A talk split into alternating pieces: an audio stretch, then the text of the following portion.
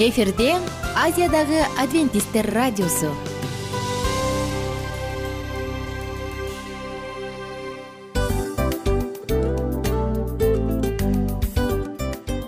Достор салют. Баардык сүйүктүү угармандарыбызга салам айтабыз. Кутман күнүңүздөр менен. Ден соолук өмүрдүн булагы демекчи саламат саамы программасында баарыңыздарды көргөнүбүзгө абдан кубанычтабыз. Анда алгач амандашып өтөлү арбаңыздар деп. Ден соолугуңуздар кандай элибизде көбүнчө ден соолук кандай дегенде эле жакшы деп жооп беребиз э? ооруп турсак дагы жакшы дейбиз. Анан мен муну айтып ойлойт элем бул абдан сонун сөз депчи анткени бул жакшы деген үмүт да э ооба баары жакшы болот. Баары сонун. Деп үмүттөнүп атып эле өзүбүздү өзүбүз дарылап коебуз. Анысы кандай? Сиздин дагы ден соолугуңуз жакшы беш деген үмүттөбүз чындыгында ден соолук бул өмүрдүн булагы деп бекеринен айтылган эмес деп ойлойм. Кыргыз элинде анткени эгерде ден соолук жок болсо анда адамдын жашоосунда калган баардык керектүү маңыздуу нерселер өзүнүн баалуулугун жоготуп коет. Ошондуктан ден соолук бул эң керектүү нерсе. Ооба туура айтасың кесиптешим. Чынында ден соолугуң жок бир эки үч күн ооруп калсаң эле э кандай болуп калат? Жашоодо көз каранды болуп каласың көп нерсеге жетишпей каласың көп нерсени кыла албай каласың жада калса эшикке дүкөнгө да чыга албай каласың. Туптуура анан ден соолук болсо демек биз биздин бактыбыз тотой деп койсок болот. Анда достор саламат саамы рубрикабызды баштайлы. Алдыда өзүңүзгө керектүү болгон сонун кеңештерди уга аласыздар. Мына ошондуктан биз менен бирге болуңуздар. Ал эми биз болсо милан жана айнура. Кеттик алга. Алга саламат саама ден соолуктун жарчысы. Саламат саама ден соолуктун ачкычы. Күн сайын сиз үчүн мыкты кеңештер сонун жаңылыктар кызыктуу фактылар биздин рубрикада.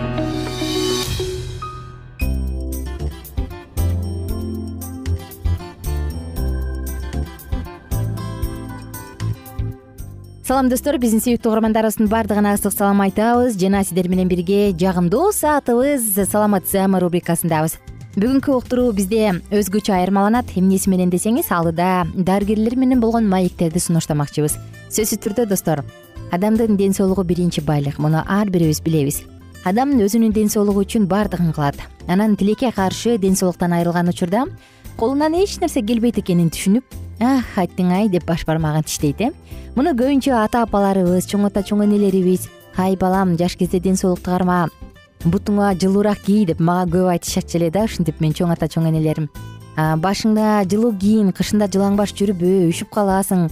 Ай кызым жуунуп алып эшикке чыкпа деген сыяктуу көп кеңештерин айтчу эле. Албетте биз булардын көбүн кулагыбыздын сыртынан кетирип коебуз бирок чындыгында кенедей кезибизден баштап ден соолукка туура кам көрүп туура тамактана турган болсок анда канчалы деген оорулуу коркунучтуу оорулардан алыс оолак болобуз. Жана албетте иштеп тапкан акчабыз дары дармек эмес өзүбүзгө өзүбүздүн жеке муктаждыктарыбызга жумшалат ошондуктан достор мен каалайт элем ар бир угарманыбыз жашоодо туура тандоолорду жасап ден соолугунун камын көрүп жүрөгүндө тынчтыкты сактап стресс депрессиядан ашыкча тынчсыздануудан алыс болуп көп нерсени жаратканга ишенип тапшырып коюп жашоодо мындай бактылуу күндөрдө жыргалчылыкта жашаса деген үмүтүм бар алдыда биз сиздер менен дарыгерлер менен болгон маектерди сунуштайбыз сиздерге. Жана сөзсүз түрдө бул уктурууларды уккан соң өзүңүзгө тыянак чыгарып мүмкүн ден соолукта кайсы бир жерине ремонт жасап э баягы тамашалап айтканда кайсы бир жерине көңүл буруп кайсы бир жери кыйкырып жаткан болсо мага көңүл бур деп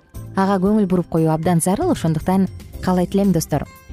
Оорубаңыздар өзүңүздөрдүн саламаттыгыңыздарга кам көрүңүздөр деп жана сөзсүз түрдө өзүңүздөрдү сүйүңүздөр деп анда алдыда сиздер үчүн жагымдуу маек жана сонун сонун маалыматтар булардын баардыгы сиздер үчүн.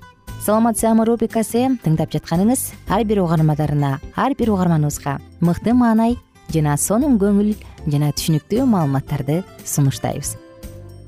Жана бүгүнкү төрүбүздүн коногу эне жана баланы коргоо улуттук борборунун педиатр аллергологу туратбекова калия туратбековна. Саламатсызбы саламатчылык. Маанайыңыз ден соолугуңуз. сиз кандайсыз иштериңиз рахмат жакшы. Э, бизде болсо абдан сонун сиз келгенде ого бетер сонун болду. Анткени сиздин ар бир айткан жообуңуз ушундай конкреттүү так баягы тамай тийгендиктен төрүбүздү көргөнүңүзгө абдан кубанычтабыз. Чоң рахмат. Э, биз мурунку уктуруубузда угармандар менен чогуу айта кеткенбиз. Суук мезгилинде аба алмашкан маалда балдардын көпчүлүгүндө мурундан суу агып жөтөлүп э, дене табы көтөрүлүп баштайт эмеспи эмеспи. Мындай учурда ата эне үй шартында эмне кылышы керек деп айтканбыз э? Анткени азыр дагы мына күн муздап күн күч күз келип калды кеч күз келип калды. Мына ошондуктан мындай учурда эмне кыла алабыз? Мурунку уктурууда калия туратбековна сонун маалыматтарды айтып берген. Мурунду кантип тазалаш керек эмне тамызыш керек эмне тамызбаш керек экендигин. Бүгүн болсо конкреттүү түрдө дене табына токтололучу э? Баланын температурасын дене табын кантип түшүрүш керек кайсы учурда түшүрүш керек кантип туура ага мамиле кылыш керек? Анда сөз сизде мурунку эфирде айтып кеткем любой вирусный инфекциянын бул улантышу уланып кеткени бул үч күнгө чейин эле да. Үч күнгө чейин бул вирусный инфекция болот. Андан көпкө узарса бул көбүнчө бактериальный инфекция кошулуп кетет да.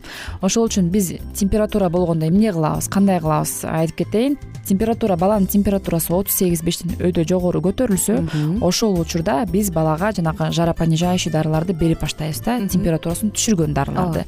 Бул кандай ал дарынын түрлөрү да өтө көп бул жанагы панадол ибуфен нурофен э, парацетамол цификон свечи дегендер бар да. Бирок мен мурунку эфирде да айтып кеткем э, дарынын баары эле баланын салмагына жараша саналып туруп анан берилет. Канча бала дозасы бар.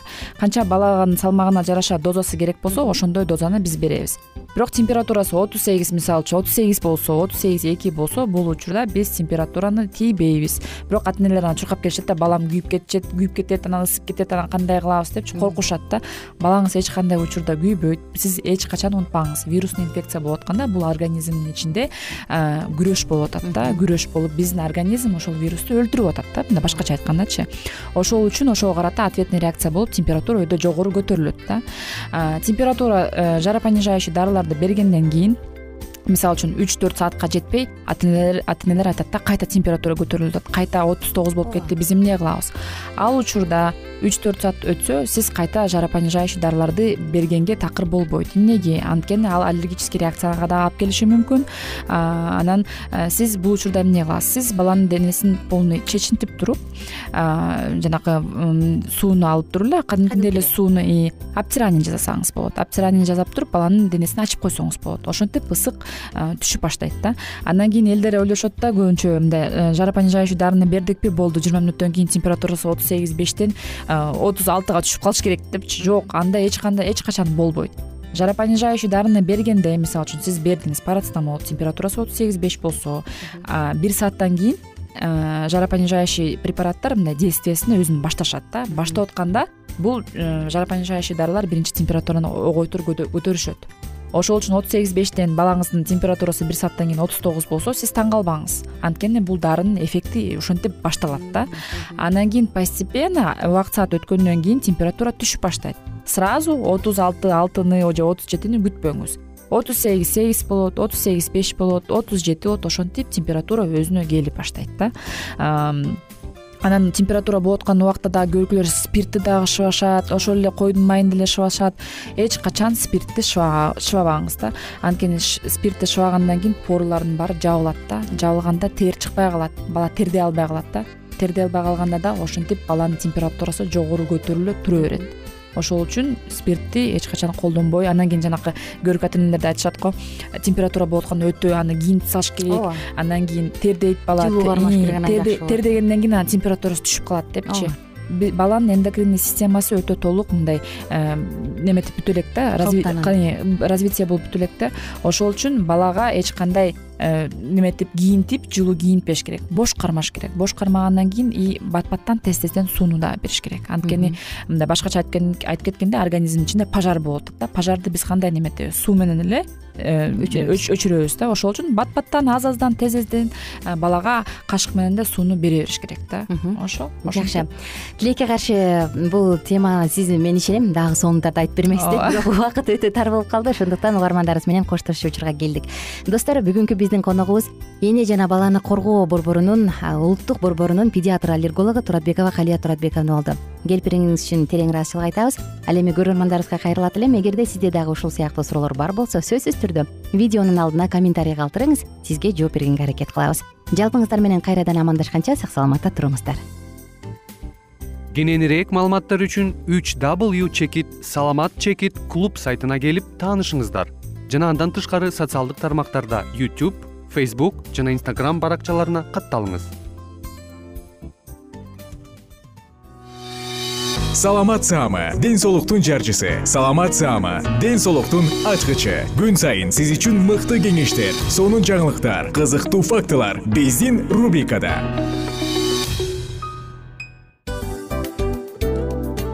Салам достор. Кайрадан биздин сүйүктүү рубрикабызга кош келиңиздер деп айтмакчыбыз баардык замандаштарыбызга арбаңыздар деп саламыбызды айтабыз. Улуу ушундай бир урматтаган учурашуу менен анан дил маек радио баракчабызга чакырабыз. Негизи дил маек биздин рубрикабызда эмне жөнүндө кеп кылабыз бул дил маектин мааниси эмнеде рубрикабыз менен кичине тааныштырып кетсеңиз. Сөзсүз түрдө тааныштыра кетейин. Кесиптешим суранычы боюнча бул учурда бул радио баракчада биз ар тарап кесип ээлеринен сонун кеңештерди алабыз сүйлөшөбүз сырдашабыз. Аталарыбыздын эжелерибиздин апаларыбыздын кеңештерин угабыз. Айтор жан дүйнөгө адамдын э, сапатына адамдын деги эле адам болуп жашашына керектүү баардык кеңештер алдыда. Негизи э, дил маек дегенде баягы эки адамдын ортосундагы сырдашуу кенен сүйлөшүү. Негизи эле биз адамдар бири бирибиз менен бир жерге жай жерге отуруп алып өзүнчө тынч э, жашоо жөнүндө өмүрүбүздө эмне болуп атканын бөлүшкөнү жакшы көрөбүз э ооба адамдар туура айтасың анан э, мындай учурга кээде убакыт да жетпей келет э? Же болбосо сырыңды кайгыңды муңуңду кубанычыңды айткың келет а адамга ишенбешиң мүмкүн. Ооба. А бул радио баракча угармандарыбыздын чыныгы досу. Анткени бизден алган кеңеш сиздин жашооңузга чоң жардам берет. Ал эми сиздин бизге айта турган сөзүңүз ортодо гана сыр бойдон калат. Ошондуктан биздин дил маек рубрикабызга дагы бир жолу кош келиңиздер. Жана биз даярдаган маалыматтарга даяр болуңуздар. Айнура жана милан сиздер менен бирге алдыга кеттик ар түрдүү ардактуу кесип ээлеринен алтын сөздөр жүрөк ачышкан сыр чачышкан сонун маек дил маек рубрикасында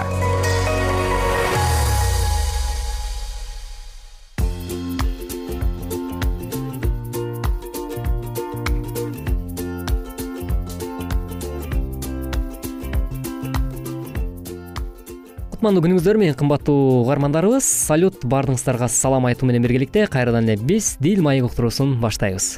Достор жалпыңыздарга ысык салам айтабыз дагы. Сиздер менен бирге биз жагымдуу саатыбызда жубайлар бири бирин өзгөртө алышабы деген темабызды андан ары улантабыз мурунку уктурууларыбызда өзгөртүү деген сөздү жардам берүү колдоо э, түркөк болуу деген сөздөр менен алмаштырганда бул эффективдүү иштейт дегенбиз э. Мен сени тарбиялайм кой тур мен сени өзгөртпөсөм деп эмес мен сага жардам бергим келет. Мен эмне кыла алам мен сени колдогум келет. Деп ошону иш жүзүндө көрбөсөк бул көбүрөөк эффективдүү деп айтканбыз да. Анда уланталы бүгүн темабызда. Сөзсүз түрдө урматтуу угармандарыбыз биздин толкундан алыстабай биз менен биргеликте кала бериңиздер. Кызыктын баары алдыда сиздер менен чогуу жубайлар бири бирин өзгөртө алабы дегенде мен ойлойм да негизи эле адам жашоосунда өзгөрүп турушу керек деп. Өзгөрүшү керек деп. Мисалы адам изденбесе изденсе анда ал сөзсүз өзгөрөт. Эгер адам изденбесе анда ал бала чагындагы кыял менен эле бала бойдон калып калат э сырты паспорттагы жашы өзгөргөнү менен ал өзү ошол бала бойдогу эле калып калат да. Анан адам өзгөрчү учурлары болот. Мисалы мен ойлойм да адам үй бүлө кургандан кийин мен кантип жакшы жолдош болуп бере алам кантип жакшы жубай жакшы түгөй болуп бере алам деп изденет.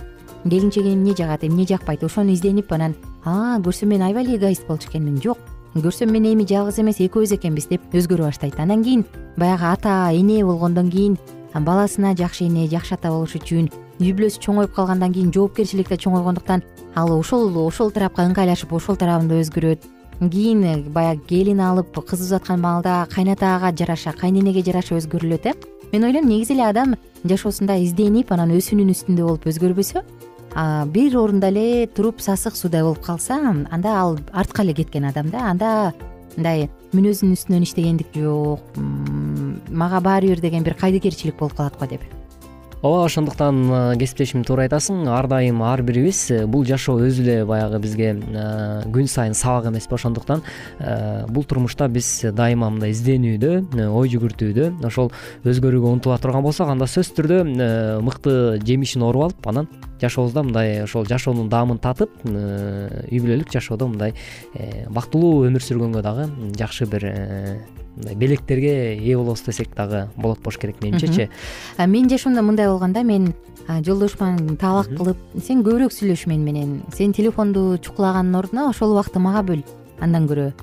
Деп айтып бирок аягында кайра айттым да мен сенин муну кылышыңдын себеби баягы мен талап кылып же мен күткөндүктөн эмес мени таарынтып албайын деп эмес а мен ушунун баарын сүйүү мотивация кылса дейм дейм депчи. Сен мени сүйгөндүктөн убакыт бөлсөң бул мага да жагымдуу сага да жагымдуу. А мен мындай навязывать этип деп коет го баягы. Жөн эле кандай деп коет? Навязывать этип деген кыргызчачы кандай деп коебуз? Жөн эле иши кылса догурунуп эмес э? Ушундай бир башка бир жакшы мотивациядан улам чыкса деп калдым да. Анан ал айтат ая мен кандай болсом мына ушундаймын депчи. Анан бир жолу дагы бир мындай айттым элем. Эсиме келип кетти. Эгерде сен сага мамиле кымбат болсо анда ошол мамилени бекемдеш үчүн колдон келишинче аракетти кылыш керек депчи. Албетте эми биз бир гана талап эле кылып кылышың керек кылышың керек дегенибиз туура эмес. Өзүбүз тараптан да ал адам күткөн ал адам каалаган нерсени бере алышыбыз керек да. Анысы кандай өзгөрүүлүгү эмне түртөт дегенде мотивация кылып атпайбызбы? Жана биз э, жогорку туткан идеалы болушу мүмкүн э? Мен ушундай ушундай ушул инсандай болгум келет ушундай кылгым келет. э, менин идеалым бар менин бийик туткан идеалым бар деп. Экинчиден ошол мамилени сактап калгысы ушул адамды жоготуп албашын каалагандыктан адам өзү эле өзгөргүсү келиши керек деп ооба туптуура айтасың кесиптешим. Чындап эле баягы адам өзгөрүүлүгү умтулуп ошонун үстүндө биз буга чейинки программада бир нече жолу кайталабадыкпы чындап эле. Э, ошонун үстүндө изденүүнүн үстүндө жүрө турган болсо ошол эле мисалы ар кандай ошол үй бүлөлүк багыттарга арналган китепти журналдарды окуйбу же э, маалымат каражаттарынан ошого багытталган э, бүгүнкү биз талкуулап жаткандай эле Э, радио программалардыбы же телепередачаларды көрөбү ошолор аркылуу дагы өзүнө бир мотивация алганга мындай э, издене турган болсо сөзсүз түрдө мындай жашоосун өзгөрткөнгө кандайдыр бир э, кичине болсо дагы бир аз процент болсо дагы мындай өзүнүн жашоосун турмушун оңдогонго бир жакшы жардамын берет деп мен ойлойм да. Бирок негизгиси баягы эле массалык маалымат ар кандай маалымат булактардан эле информация ала бербестен тескерисинче мындай тажрыйба катары ошол нерсени мындай колдонуш керек деген ойду айткым келип атат да. туптуура дагы бир нерсе бул өзгөрүүлүк жөнүндө сөз кылып аткан соңчу. Адам эгер адамды өзгөрткүң келсе ага анын жакшы жагын баса белгиле деп коет эмеспизби. Анысы кандай? Адамдын өзгөрүлүшү үчүн анын жакшы жактарын баса белгилеп аны шыктандырып ага мотивация берген дагы бул маанилүү экен. Достор биз саатыбыздын соңку мүнөттөрүндө эмне дейбиз? Ушуну менен мен ойлоп атам кесиптеш темабызды жыйынтыктасакпы кийинки уктуруда башка теманы баштасакпы деп кандай дейсиң? Сөзсүз түрдө э, буга чейинки программаларыбызда биз ушул үй бүлөгө арналган э, уктурубуз менен э, жакшы маек курдук деген ойдомун. Анда эмесе жашооңуздар жемиштүү болсун жана никеңиздер түбөлүктүү болсун деген тилегибизди билдирели. Сөзсүз түрдө демек достор жубайлар бири бирин өзгөртө алышабы дегенде өзгөртөм деп эмес тескерисинче жардам бергим келет деген сөз менен аракет кыла турган болсо демек өзгөрүсө мүмкүн экен өзгөрүшү мүмкүн экен. Ошондуктан кааларыбыз жолдошуңуздун келинчегиңиздин жаман жагы сиздин көзүңүзгө көрүнүп атса ушу сениби деп эмес жакшы жактарын баса белгилесеңиз ал өзү эле жаман жагын таштап коет. Ошондуктан жаныбызда тарбиялоочулар эмес э жардамчылар болсун. Жаныбызда жалаң гана сын пикир айткандар эмес тескерисинче бизди сүйүп бизге жылуу сөздөрүн айтып шыктандырып тургандар болсун. Анан аягында дагы айткым келип турат эгерде биз адамга колдоо көргөзгөндү билсек депчи анда сөзсүз түрдө бул нерсени өзгөртүүгө мүмкүн. Мисалы өтө ачык айтып бетке тарс айтып мен ушундаймын деген адам а демек мен катуураак көбүрөөк сүйлөсөм буга жакпай калат экен. Андан көрө мен ал анча мынча сөздөрдү фильтрлеп айтпай эле коеюн деп өзүн тарбияласа болот э. Ошондой эле мындай көп сүйлөбөгөн адам дагы ошентип өзүн тарбияласа болот экен. Эмне дейли анда улан анда эмесе ардактуу э, жаш жубайлар жана ошондой эле биздин сүйүктүү радио каармандарыбыз э, дайыма жашооңуздарда жакшылык өкүм сүрө берсин бири бириңиздерге болгон сүйүүңүздөр арта берсин деген тилегибизди билдиребиз анан жаш эле эмес мен ойлойм баардык эле жубайлар баягы. Повторение мать учения деп орус тилинде бекер айтылбаса керек э. Унутуп каласың го бир убакта унутуп каласың анан чын эле ушундай эмес беле ай мен муну көрсө өзгөрткүм келип аткан турбайбы деп отуз жыл жашаган апа деле айтышыбыз мүмкүн э. Ооба. Анысы кандай бул уктуруу ар бирибизге пайда жагына пайдалуу пайда алып келет деген үмүттөмүн. Жана сиздер менен коштошобуз. Кийинки уктуруудан кайрадан амандашканча күнүңүздөр көңүлдүү маанайда улансын. Саламатта туруңуздар ар түрдүү ардактуу кесип ээлеринен. Алтын сөздөр жүрөк ачышкан сыр чачышкан сонун маек. Бил маек рубрикасында.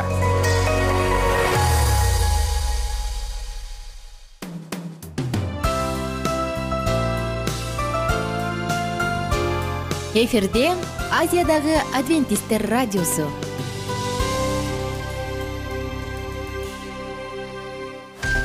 жан дүйнөңдү байыткан жүрөгүңдү азыктанткан жашооңо маңыз тартуулаган жан азык рубрикасы.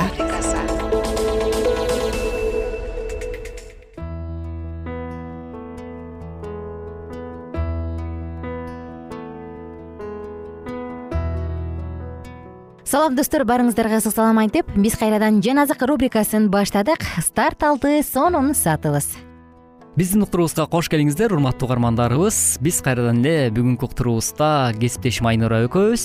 Э, дал ушул э, биздин жашообузда жашап жаткан деги эле э, ар бир учурда эмнеге ыраазыбыз ушул туурасында маегибизди улантабыз достор кесиптеш өткөн уктуруубузда биз жубайларыбыздын эмнесине ыраазыбыз деп сөз кылып атырк белек анан мен ойлонуп кеттим да менин жолдошум эмне үчүн ыраазы болду экен? Уккум келип кетти. Мен ойлойм сен деле ошентсең керек э? Ооба. Келинчегиң асель сага эмне үчүн ыраазы экен уккуң келдиби ооба сөзсүз түрдө кээде уккум келет. Жакшы э, айтып эле турса дейсиң э мактап эле турса дейсиң кээдечи. Бирок чындыгында бул нерсе адамга керек. Ыраазы болуу жөнүндө сөз кылып жатабыз. Жана э, биз бир уктуруубузда айтканбыз ыйык жазууда инжил китебинде ыраазы болуу жана такып алуу улуу байлык деп айтылыптыр депчи. Ыраазы болгондо мен ойлоп коем бул ыраазычылык бул позитив го негизи. Ыраазычылык бул позитив э жакшы нерсе. Ооба. Мунун негизинде сенде жакшы гормондор иштелип чыгат сенде кубанычтын гормону бактылуулуктун гормону иштелип чыгат да сен өзүңдү бактылуу сезесиң. Эгерде үстүңдө эки этаж үй үч этаж үй үч машина болсо дагы бирок сен ыраазы болгонду билбесең анда бул сага эч кандай бакыт тартуулай албайт. Ооба. Эгерде сен кепе тамда жашасаң дагы аюудай күйөөң болсо дагы э баягы кыргыз элинде айтып коет го ошол сыяктуу же ден соолугуң бир жеринде көйгөй болсо дагы э, материалдык жашооң жетишсиз болсо дагы бирок сен ыраазы болгонду билсең мен ойлойм ал адам үч кабаттуу үйдү адамдан дагы бактылуураак деп. Ооба сөзсүз түрдө. Э, чындап эле эң сонун маселени козгоп өттүң кесиптешим. Негизи ушу ыраазы болуу туурасында э, жанагындай э, материалдык нерседен мисалы көз карандысыз болуп үч кабат үйү болуп алдында эки үч машинасы болуп а бирок ар дайым наалып напчып бу деле жетпейт мага ооба. деген сыяктуу бир көз караш менен жүргөн адам менен. Ал эми жөн эле кичинекей каттаган нан жесе дагы ошого ыраазы болуп жашаган адамдын айырмасы чын эле асман менен жердей болот эмеспи анан ушул эле учурда э, окумуштуулар бир изилдөө жүргүзгөн экен. Э, бул медицина тармагынан э, изилдөө жүргүзгөндө. Көбүнчө наалган адам менен анан мындай дайыма баягы орустар айтып коет го мындай добрый адам депчи. Мындай добрый болуп жүргөн адам менен наалып кепчип жүргөн адамдын экөөнүн ден соолугун текшергенде баягы наалып байлыгы бар. Бирок ошол эле учурда ал наалып эч нерсеге ыраазы болгон адамдын э, ден соолугу ушунчалык начар экендигин э, бир бүтүнгө келишиптир да. Мындай жыйынтык чыгарганда ал ушунчалык мындай оорукчан адам болуп эсептелинген экен да. Ар кандай оорулар менен э, байланышы бар. Ал эми тескерисинче эч кандай байлыгы деле жок бирок ошол эле учурда баардык нерсеге ыраазы болуп жашаган адам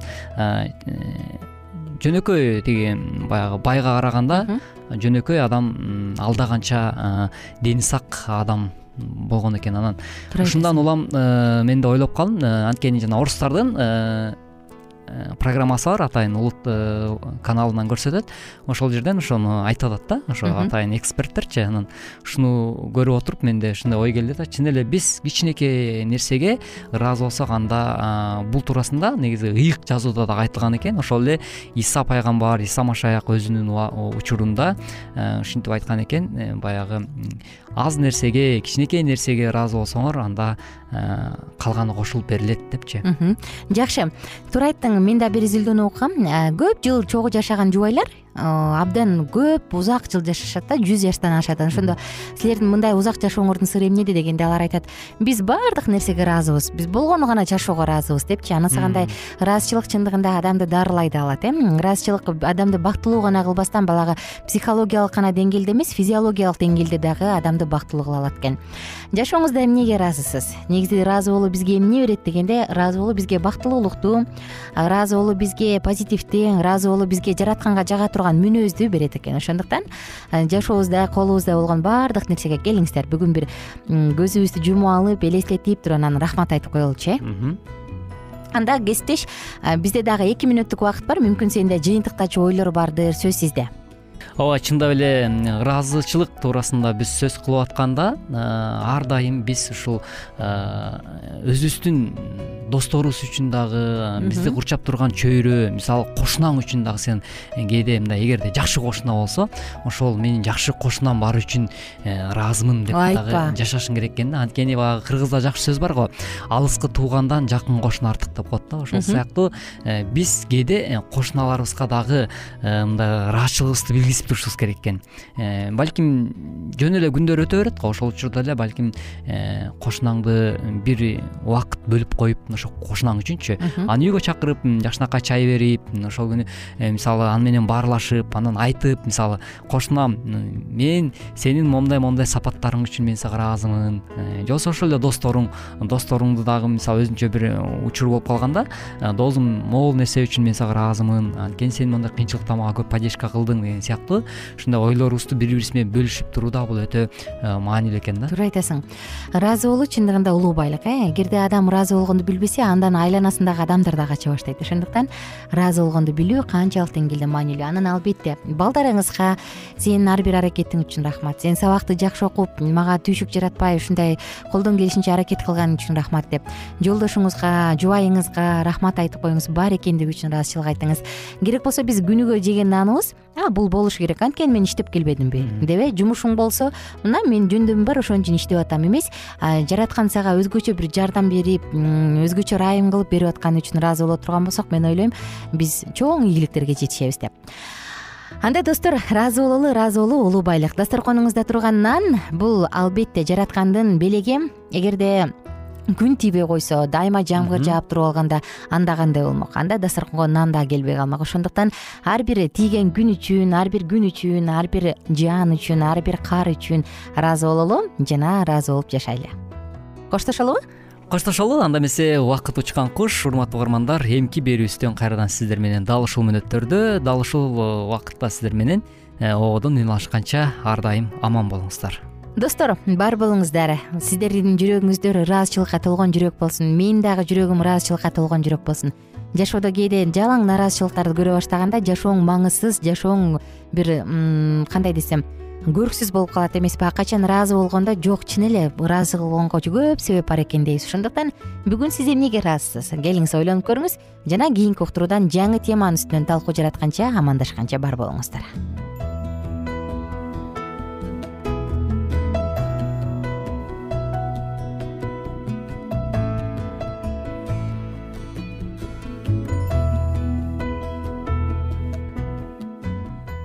эгер сиздерде суроолор болсо же көбүрөөк маалымат билем десеңиз анда биздин whatsapp номерибизге жазыңыз. Плюс бир үч жүз бир жети жүз алтымыш алтымыш жетимиш. Кайрадан плюс бир үч жүз бир жети жүз алтымыш алтымыш жетимиш